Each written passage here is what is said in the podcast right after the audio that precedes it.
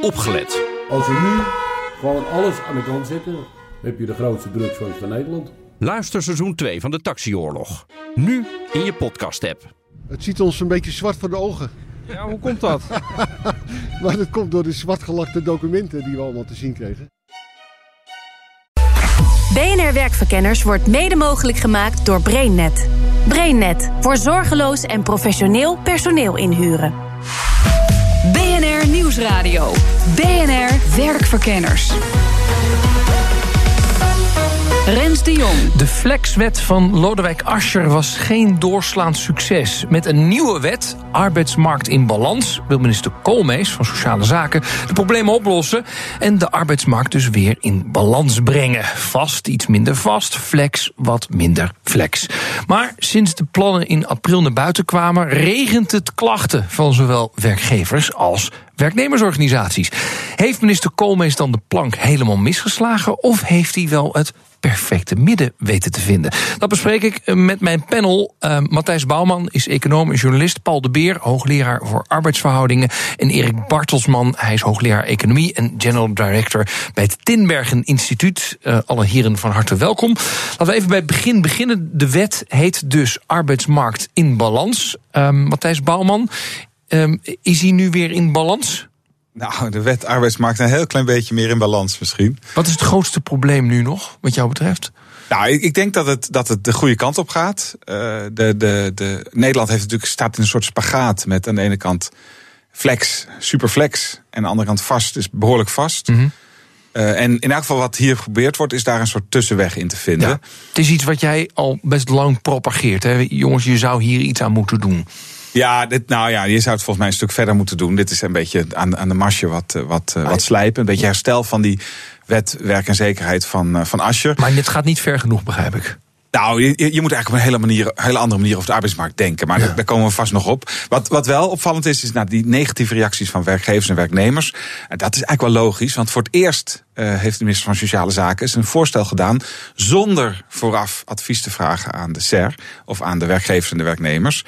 Uh, zoiets van, nou, dit is het, reageer hier maar op. En het is natuurlijk logisch dat ze dan zeggen van, nou, wij vinden het helemaal niks. Want uh, we zijn niet gehoord. Moest, ja. Normaal gesproken moesten zij zelf met vandaan. een idee ja. komen. Ja. ja. Uh, Erik Bartelsman, is de arbeidsmarkt hiermee meer in balans?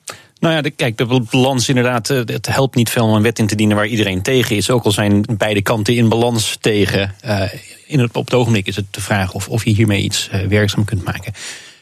We zitten, we zitten met een probleem dat we denken nog veel na in ouderwetse arbeidsmarktrelaties. Mm -hmm. Eigenlijk denkt de tijd van de fabriek. Er is een eigenaar met een, met een machine, de enige werkgever in het, in het dorp. Die heeft al die machines. Daar moeten honderd man van maandagochtend tot vrijdagavond aan vastzitten.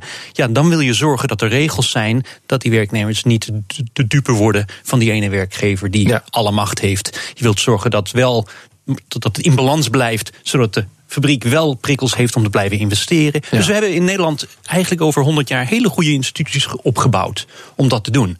Het probleem is dat we proberen nu, omdat de realiteit aan het veranderen is met een soort werkgeversnemerschap, proberen we een nieuwe wet te maken voor de oude situatie. En we moeten toch echt expliciet gaan maken van wat is er veranderd en wat voor wetgeving hebben we daarvoor nodig. Okay. En ik denk dat er te weinig gebeurt. Oké, okay. um, Paul de Beer, blij met deze wet of niet? Met dit, dit voorstel tot een wet? Nee, ik ben niet zo erg blij ermee. Um, ik deel in de hoofdlijnen wel uh, het commentaar van de andere twee sprekers. Um, tegelijkertijd, wat ik wel uh, wil erkennen. Het is ook ongelooflijk ingewikkeld om op dit terrein een wet te veranderen die dan daadwerkelijk uh, effecten heeft waar iedereen blij van wordt. Ik denk dat dat bijna niet kan. Ik denk ook dat de verwachtingen van wat je met wetten op dit gebied uh, kan bereiken uh, wat overtrokken zijn. Dat gold voor Lodewijk Asscher met zijn wet werk en zekerheid. Um, en nu lijkt het voor een deel alsof uh, Koolmees denkt wat bij Lodewijk Asscher niet gelukt is, zal bij mij wel uh, gaan lukken door een paar dingen terug te draaien, een paar dingen wat verder te doen. Maar het blijft inderdaad, zoals uh, Matthijs ook terecht zei, toch een beetje ja, rommelen in de marge. Ja. Er zit geen fundamentele hervorming Ik zag bij jou een artikel, volgens mij in het Financieel Dagblad, waarin jij zei: we moeten de invloed van wetten op of werkgevers nou mensen vast inhuren of flexibele schil willen hebben, moeten we niet overdrijven. Want die is er eigenlijk niet zo heel erg. Nee, er wordt vaak natuurlijk gesuggereerd dat de sterke groei van flexibel werken in Nederland vooral het gevolg is van het feit dat vaste contracten te goed beschermd worden en flexibele contracten te weinig beschermd worden. Dan wordt altijd gewezen naar zo'n OECD-indicator voor zo'n Employment Protection Legislation. En daar zou het blijken. Maar als je die echt voor alle landen met elkaar gaat vergelijken, dan blijkt er helemaal geen samenhang te zijn tussen de omvang van de flexibele schil in het land en die wetgeving. Ja, ja. Dus de relatie tussen wetgeving en omvang van flexibele schil is veel minder eenduidig dan vaak gedacht En waar wordt. denk je dan wel dat het aan ligt? Ja, het is ingewikkeld. Ik heb daar zelf recent wat onderzoek naar gedaan om te kijken wat nou precies bij, bij- bedrijven verklaart waarom ze meer of minder flexwerkers eh, in dienst nemen. En wat ik eigenlijk concludeerde, als ik met heel veel kenmerken van bedrijven rekening houd, dan kan ik nog steeds maar ongeveer een kwart verklaren van de verschillen tussen bedrijven. Mhm. Met andere woorden, individuele bedrijven maken gewoon ook individuele afwegingen. En wat ik dan zeg, en dat is een beetje de socioloog in mij, wat ik eigenlijk toch vooral econoom ben, dat het iets met cultuur te maken heeft. De cultuur van de onderneming, de managementcultuur bijvoorbeeld. Maar ja, uiteindelijk verklaar ik daar natuurlijk nog steeds niet heel veel mee. Ik hoor Erik al een beetje Nou ja, dus, ik, morrelen, ik, ik ben er wel mee eens om, om ook naar sociologische dingen te kijken. Maar je moet hier ook kijken, wat is er gebeurd door de tijd? We zien door de tijd dat die flexibele, sch- de behoefte aan flexibele arbeid aan is toegenomen. En we zien dat het ook in andere landen is toegenomen, ongeacht hun, hun legislation. Nou, dus dat daar ben niet- ik het niet geheel on, ongeacht. Ja, maar daar, daar ben ik het niet mee eens. Als je kijkt naar Europa, dan zie je dat gemiddeld genomen in Europa het aandeel van tijdelijk werk de afgelopen 15 jaar Ja, niet gestegen tijdelijk is. Tijdelijk Ja. is, oké. Ja. Ja. tijdelijk is anders dan flexibel. Ja, alleen Maar- we hebben geen internationaal vergelijkende statistieken waarin bijvoorbeeld ook oproepkrachten en dergelijke worden meegenomen. ja. Oké, dit ging over, eh, of dit gaat over de arbeidsmarkt in balans. Dat gaat over inderdaad ehm, ja, de balans tussen flex en vast. Hè? Eh, de, de, als je flexibel bent, nou, dan heb je eigenlijk weinig zekerheden. Als je vast bent, heb je heel veel zekerheden. En daar zou wat balans in moeten komen. Eh, zodat, en dat wil minister Koolmees, werkgevers er sneller voor kiezen om mensen een vaste baan te geven. Want daar zou dan de economie ook van profiteren, omdat mensen zekerheid hebben en dan misschien wel iets meer willen investeren of nou ja, een gelukkiger leven hebben. Kunnen we over praten. Maar ehm, wat interessant is, wij spraken deze week met Job Swank. Hij is directeur monetaire zaken bij de Nederlandse Bank over de groei van de economie. En wat blijkt nou uit dat gesprek? Misschien is er wel helemaal geen wet nodig, want het vaste contract is terug van weg geweest. Luister maar. Vrij verrassend. De afgelopen twee kwartalen zien we dat het aantal vaste banen veel sterker stijgt dan het aantal flexibele banen. In feite is het zo dat de vaste baan wordt een soort arbeidsvoorwaarde. En dat zie je ook in een verkrappende economie hè, waar we in zitten. Eh, gaan werkgevers gaan vaste banen aanbieden. eh, om op die manier personeel te lokken. Wat je met een flexibele baan of met een relatief laag loon niet meer krijgt. Ja, Matthijs, eh, het is helemaal niet meer nodig, weet je wel? Nou ja, ja, nu niet. Nee. Ja, dit, kijk, het is natuurlijk heel logisch. Als de, de, onze hoogconjunctuur wordt toch al een beetje oud. Hè, komt op leeftijd. Zo'n drie, vier jaar gaat het nou aardig. Dat betekent dat heel veel tijdelijke contracten automatisch worden omgezet in vaste contracten. Want niemand krijgt meer op dag één een vast contract. Dus nou, na twee jaar ja, wel. Dus Ja. dat is eigenlijk heel logisch. En het wordt ook in sommige beroepen, maar dat zou ik nog als onderzoek van willen zien van de, van de economen van Job Swank. eh, wordt het ook als arbeidsvoorwaarde eh, gezien. Hè? Van bij ICT'ers, nou geef ze maar direct een vaste baan, want dan krijgen we tenminste eentje binnen. Moet ik nog zien wat zo is. Ik denk dat het belangrijkste Want factor ik- ik is dat het als- automatisch gebeurt, omdat Ja, eenmaal na twee contracten of drie contracten straks, dan krijg je een vaste baan of geen vaste baan. Ja. Dus ja, dat gebeurt gewoon. En ja, ik, ik, zou me daar helemaal niet zo blij om maken. Ik denk niet dat er een trendbreuk is, maar dat dit een conjunctureel verschijnsel is.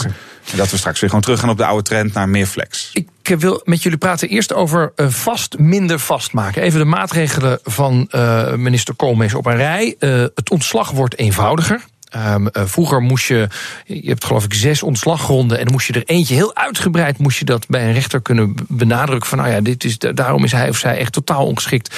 Hij of zij moet eruit. En nu kun je op al die ontslaggronden een beetje scoren. En dat zou dan ook reden kunnen zijn om je te ontslaan. Er komt één vaste ontslagvergoeding. Ehm, na twee jaar heb je recht op ontslagvergoeding. Eh, eh, en meestal na tien jaar had je dan nog een hogere ontslagvergoeding. Dat wordt één ontslagvergoeding. Eh, en ehm, het, het tijdelijk contract, dat was onder Lodewijk Asscher, mocht je dat twee keer hebben. Dat wordt onder Koolmees drie keer. En je hebt een wat langere proeftijd. Ik ga er even snel doorheen.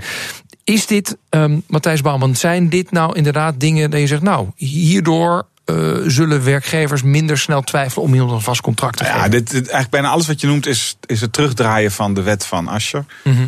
Hè, We gingen van drie naar twee en nu gaan we weer van twee naar drie. En eh, die, die, die ontslaggrond die was eh, van, nou, je mag dingen bij elkaar optellen en dat mocht toen niet meer en dat mag nou weer wel.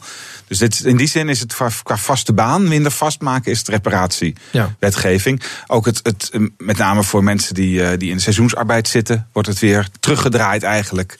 Dat je daar wat soepeler mee om moet gaan. Als je negen maanden werkt, dan drie maanden eh, niet werkt en daarna weer negen maanden werkt. Nou, dat mag allemaal. Ja. Dus ja, dit, dit, is, dit is geen Dit structurele verandering. want- want we gaan nou ja, gewoon het gaat terug- wel helpen, want er zijn veel deelproblemen die hiermee samenhangen. En sommige werkgevers hebben hier last van.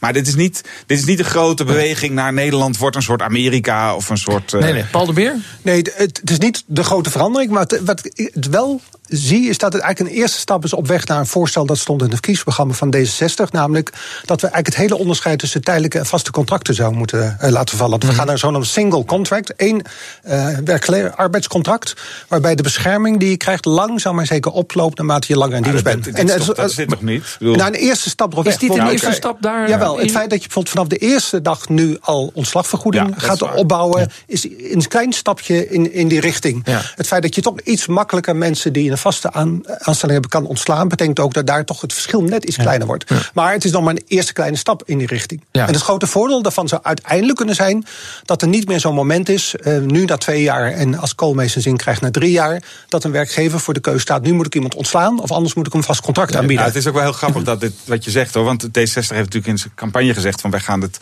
Wij gaan de flexibele baan afschaffen, iedereen vast. Ja. Maar daarbij, als je kleine lettertjes las, dan hadden ze eerst de vaste baan afgeschaft. Maar Dus, dat is, ja. dit is een van de problemen, is dat er maatschappelijk zoveel verschil zit tussen de vast en los. Noem maar, noem maar de hypotheek, noem maar de onzekerheid waar jonge mensen denken van ja, wat moet ik met mijn pensioenopbouw? Eh, is dat wel, nou daar hebben we nu al deels dat je het mee kunt nemen met rugzakjes.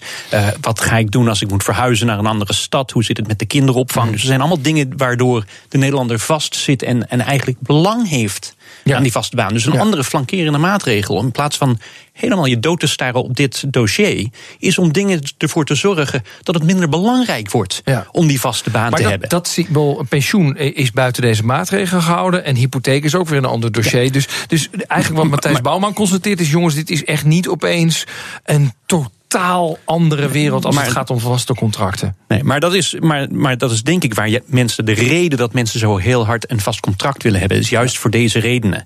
Want een heep- hoop andere verschillen zijn al wat gladder. Die worden nu weer een klein beetje gladder ge- getrokken. Goed. BNR Nieuwsradio. BNR Werkverkenners. In deze aflevering van Werkverkenners bespreek ik de poging van minister Koolmees om de wet werk en zekerheid van Lodewijk Asscher te repareren. En dat wetsvoorstel heet Arbeidsmarkt in Balans. Ik praat erover met Matthijs Bouwman, econoom en journalist. Paul de Beer, hoogleraar arbeidsverhoudingen. En Erik Bartelsman, hij is hoogleraar economie en general director bij het Tinbergen Instituut. Heren, we hebben het net al over vast gehad, maar nu flex moet minder flex worden. Even een samenvatting van de maatregelen. Ehm, de werkeloosheidspremie die gaat eh, eh, verschillend worden. Als jij iemand hebt die eh, flexibel bij je werkt, dan betaal je als werkgever een stuk meer, echt fors meer aan WW-premie dan als je iemand helemaal vast in dienst hebt. Ehm, als je oproepwerk hebt, nou, heel veel mensen zitten de hele dag dan thuis te wachten tot iemand een paar uurtjes werk voor je heeft. Dan wordt gezegd, nou, dat moet je minstens vier dagen van tevoren aanmelden. En als je dan afbelt, dan moet je ook betalen. Er moeten gelijke voorwaarden komen voor payrollers. Wordt door de minister onder andere gezegd, nu is payrolling soms een goedkope arbeidsvorm. En dat zou gewoon gelijk moeten zijn of je nou payroller bent of vast in dienst bij een bedrijf. De beloning moet hetzelfde zijn. Dat zijn een beetje de maatregelen die we van Koolmees hier zien. Paul de Beer, gaat dit flex minder flex maken?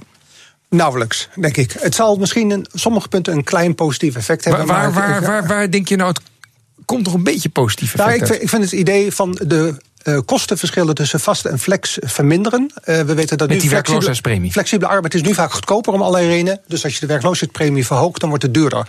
Of je dat moet doen via de werkloosheidspremie, daar ben ik niet helemaal zeker van. Eh, er zijn natuurlijk ook vaak geluiden die zeggen: ja, maar een tijdelijke baan, een flexibele baan, is vaak juist een opstap voor mensen die nu werkloos zijn. En dan ga je ze eigenlijk de werkgever bestraffen, omdat hij een hoge premie moet betalen.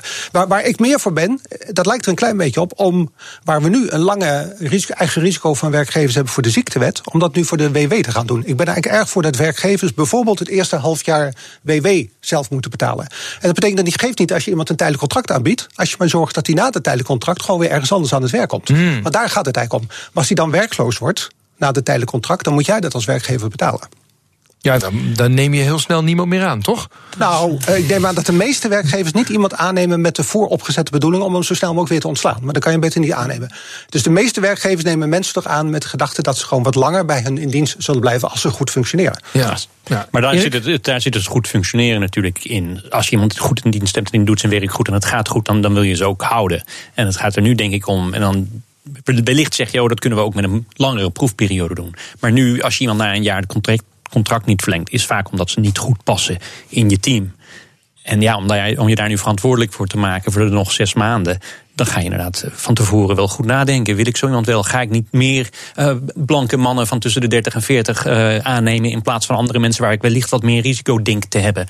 Dus ik denk dat, dat je heel voorzichtig moet zijn met, met de kosten daar juist hoger maken voor het aannemen van mensen die je een proefperiode en, en langer wilt uitproberen. En wat vind jij van uh, die, die uh, diversificatie in de werkloosheidspremie? Nou ja, dan kun je zeggen, oké, okay, die, die, mensen in tijdelijke dienst... en ik denk dat dat uh, wellicht uit de cijfers komt... die worden vaker werkloos. Dat maar aan de andere kant, ook, maar, die, maar hun worden... werkloosheidsduur zal ja. veel korter zijn. Iemand die, die tien jaar lang in dienst, vaste dienst is geweest... die heeft wellicht na een werkloosheidsperiode veel meer moeite... om aan het werk te komen, omdat hij in een branche zit... waar niet meer, die niet ja. meer courant is. Nee, Koolmees die zegt, dus eigenlijk dit, maken mensen die veel tijdelijke contracten hebben... veel meer gebruik van de WW Vaker, dan. maar dat meer, dat heb ik niet. Dat ja, is ja, ook de okay. cijfers van moeten ja, zien. okay. Of de totale druk op de WW-pot inderdaad groter is. Volgens mij is dat wel zo. Maar ja. ja, ik heb... Er zitten twee kanten aan. Ja, nee, je hebt gelijk. Maar dit, ik vind, dit, dit, hier zit meer uh, body in, in deze kant van de wet, dan die, die uh, van vast minder vast. Mhm. Mm -hmm. Ik vind hier wel echt, uh, ja, zoveel fundamentele besluiten, zoals het, een soort bonus-malen systeem voor flex en vast.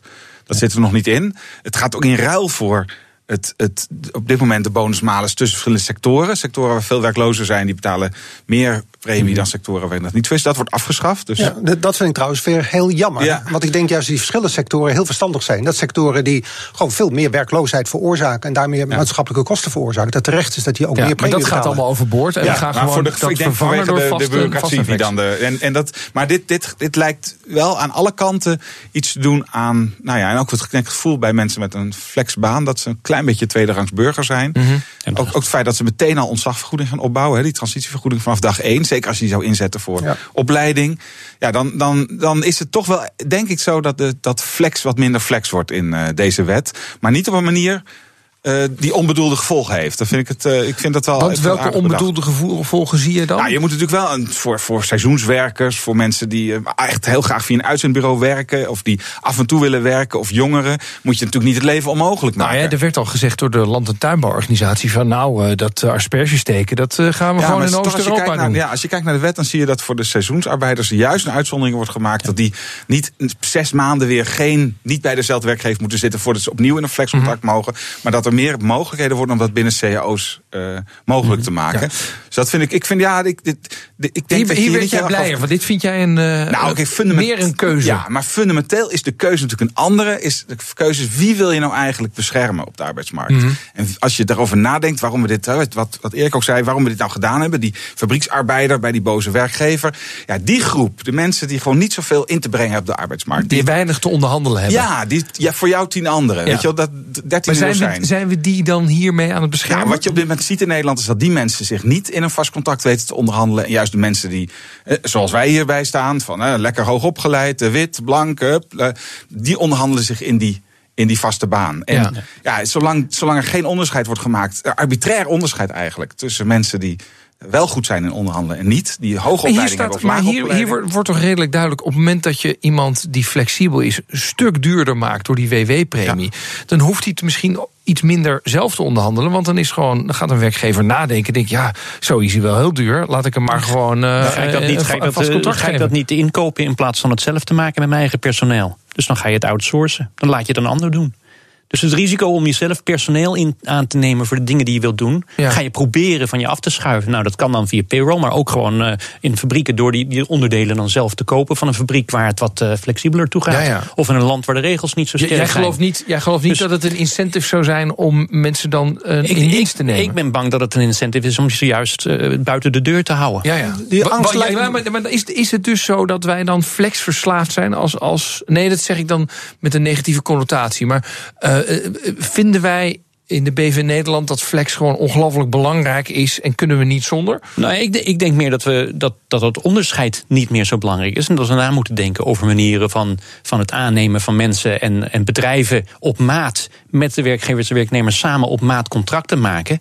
En de overheid die gaat toezien dat er geen misbruik wordt gemaakt. Dus de wet, de wet, en regelgeving is om misbruik te voorkomen, niet om te zeggen hoe het moet. Ja. Dat kunnen de mensen zelf wel verzinnen hoe het moet. En dan kunnen ze in Den Haag eigenlijk niet zo goed. Ja, ja. Oh, dat is wel interessant. Dat we gewoon regelvrijheid gaan geven. Nou, wel, wel regels en toezicht. Maar Ja. je, moet, je moet duidelijk maken in de dat- wet wat niet geoorloofd is. We doen dat Maar, met maar jij zegt echt even, joh, je mag best wel gewoon contracten tussen mensen opstellen en dan is dat klaar.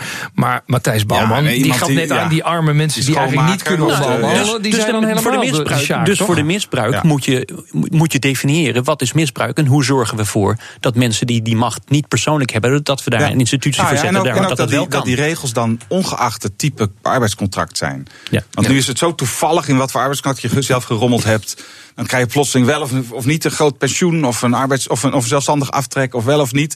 En dat, is eigenlijk, ja, dat, dat zijn eigenlijk dezelfde mensen die je dan verschillend behandelt. De minister maakt de wet strenger voor payroll-constructies. Paul de Beer, is dat terecht?